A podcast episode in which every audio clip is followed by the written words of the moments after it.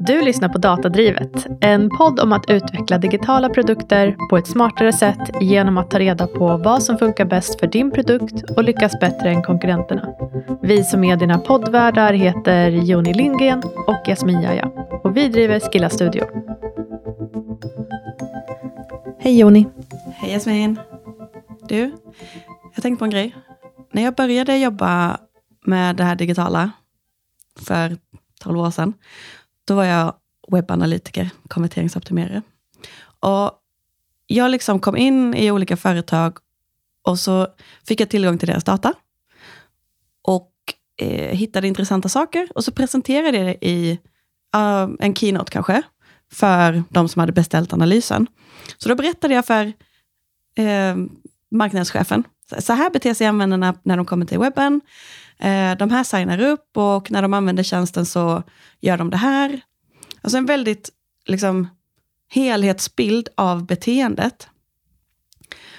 Men jag ser sällan sådana analyser längre. Alltså, jag jobbar ju inte som analytiker oftast eh, nu. Nej. Så jag liksom, vad gör... Jag upplever att analytiker lägger så himla mycket tid på att bygga dashboards. Mm. Eh, att hämta ut rapporter som andra ber om.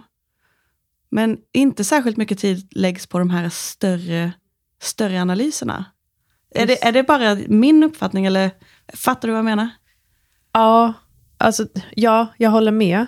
Uh, så de uppdragen jag varit på de senaste åren, ja. har jag också sett det. det.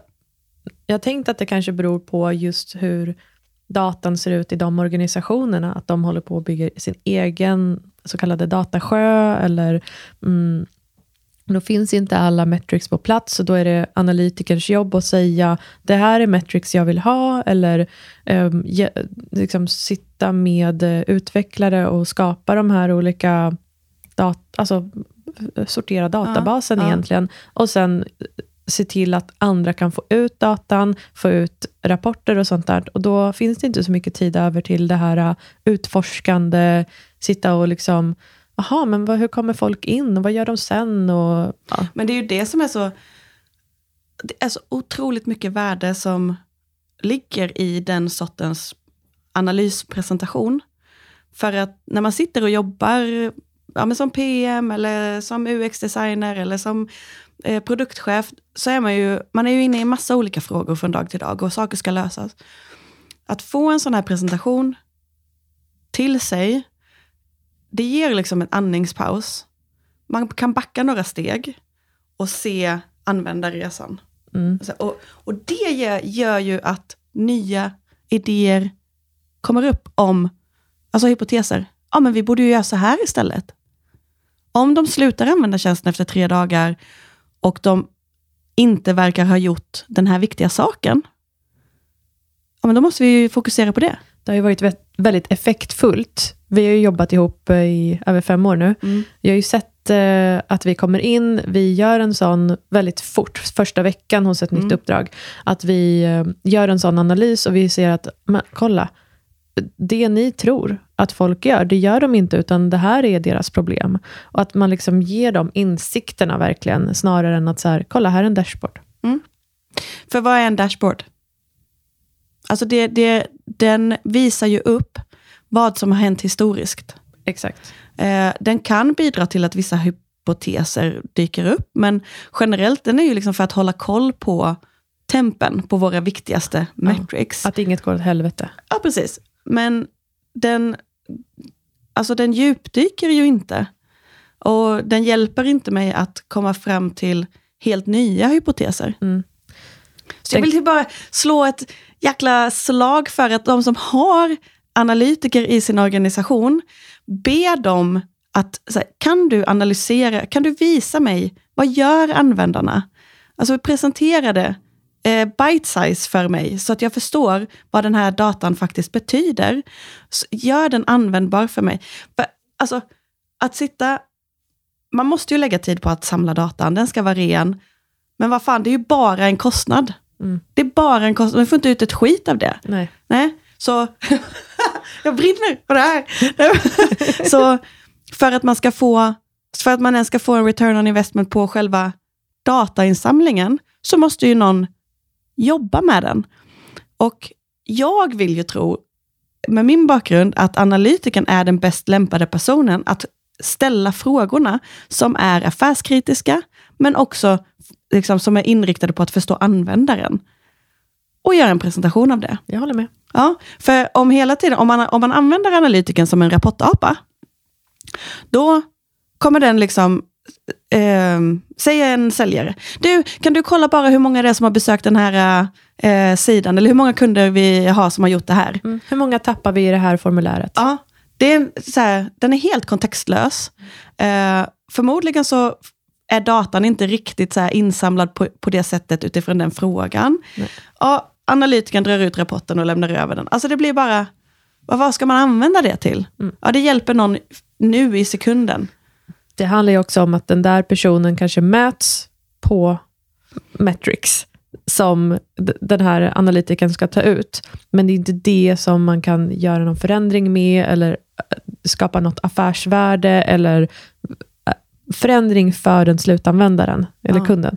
Nej, alltså rapportering, jag säger liksom inte att det är oviktigt, men jag, jag menar nog att det är ganska liten tid av vårt jobb eh, som ska läggas på att titta på vad som har hänt. Mm. Den mesta tiden ska vi lägga på, om det ser ut så här nu, men vi vill att, det ska, att vi ska nå 10% mer, vad måste vi då göra? Mm. Vad kan vi göra? Var har vi största potentialen? Mm. Om en analytiker får tid att svara på det, då, får du liksom, då börjar du få ut värde. Men då måste man ju sluta... Um, man måste ju säga till sin analytiker, hej, nu kan du pausa det här med att liksom tvätta data och liksom fixa och dona med det, utan kan du lägga några, lite tid på det här istället. Ja, och då skulle jag vilja säga, om man, in, om man ger personen mindre än en vecka på sig, så kommer det inte, då, då har du inte gett tillräckligt med tid. Utan det tar tid, man ska ställa frågor, man ska hitta och hämta ut datan, man behöver liksom bearbeta den, men också att visualisera den på ett sätt som bli, så att det blir vettigt.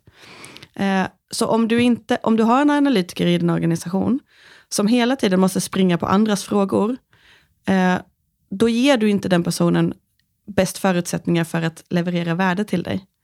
Utan, men om du, man kanske, kan, man kanske skulle bestämma sig, men en gång i kvartalet, då vill jag ha en större analys som presenteras för de här människorna i syfte att generera hypoteser. Det är mycket lättare jag har ju också jobbat som analytiker. Det är mycket lättare att få ut sig sådana rapporter oftare, om jag får tid att sitta lite varje dag, att bara sitta och utforska. Det är mycket svårare om jag bara gör det någon gång per år. För då har jag, jag, känner, jag känner ju inte datan på det sättet, som jag gör när jag är inne en timme om mm. dagen, till exempel. Fast det du egentligen säger, det är ju att, så här, ja du känner inte datan, men datan är ju också, det är ju användaren. Ja. Så att du liksom, du, måste, du känner både användarens interaktioner och eh, hur det ser ut i tabellen. Liksom den här, eh, en analytiker som analyserar ett användarbeteende kan ju inte bara sitta i, i, i tabeller. En, analyt, en bra analytiker är ju i produkten. Klickar, vad händer? Eh, och försöker liksom hitta siffrorna som motsvarar det beteendet. Och, alltså man försöker skapa en man försöker skapa en förenklad bild av verkligheten.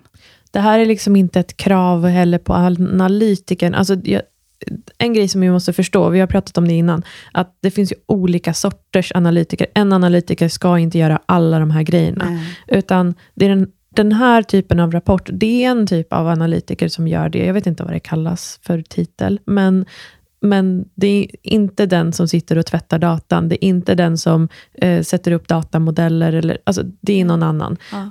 eh, som, som jobbar med det här, men den måste också få tid på att göra det. Mm.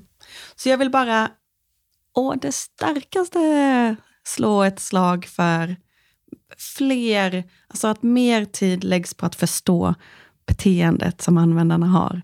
Och att få det presenterat för sig, det är underbart. Mm. Underbart! Mm. Ja. Och effektfullt. Väldigt. Joni, låt oss ringa upp eh, Johan Johansson. Han har ju jobbat med eh, analys i hundra år. Ja, vi ringer.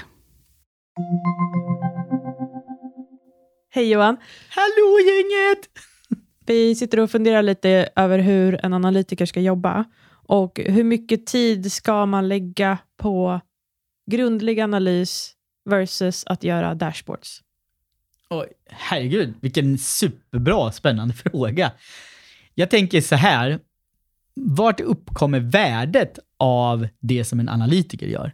Det är ju när man levererar någon typ av insikter som man sen kan omvandla till actions. Det är det man ska spendera 80% av sin tid att göra, tycker jag cruncha siffror, komma fram med insikter som organisationen kan ta action på. Hjälpa organisationen att förstå de här insikterna så att de vet vad man liksom menar med alla de här siffrorna. Den typen av exercis. Sen så har jag förstått det som att ni har funderat lite så här, är, är, är, så här hur mycket tid ska vi lägga på dashboards och hur mycket ska vi lägga på rapportering? Och så mm. För, alltså, 80% på att skapa värde, jag vet inte, 10% på den där andra delen och sen 10% på att fika och liksom hänga med kollegorna. För att det finns en övertro, tror jag, många gånger på att om bara organisationen ser en siffra så kommer vi bli så jävla effektiva och insikts... Liksom, That's just a lie! Alltså jag vet inte hur många gånger jag har vi, efter så här smärtsamma dashboardprojekt visat här är siffrorna och de bara, fan vad nice, vad ska vi göra nu då? Alltså, det är inte där värdet uppkommer. Så lägg tid och fokus på, på analysen. Att liksom skapa värde av det du liksom gör. Tack. Hej då. Hej. Ciao.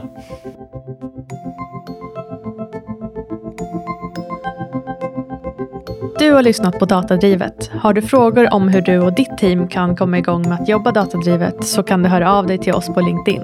Där heter vi Joni Lindgren och Jasmin Jaja. Eller gå in på Skilla Studio. S-C-I-L-L-A. Studio.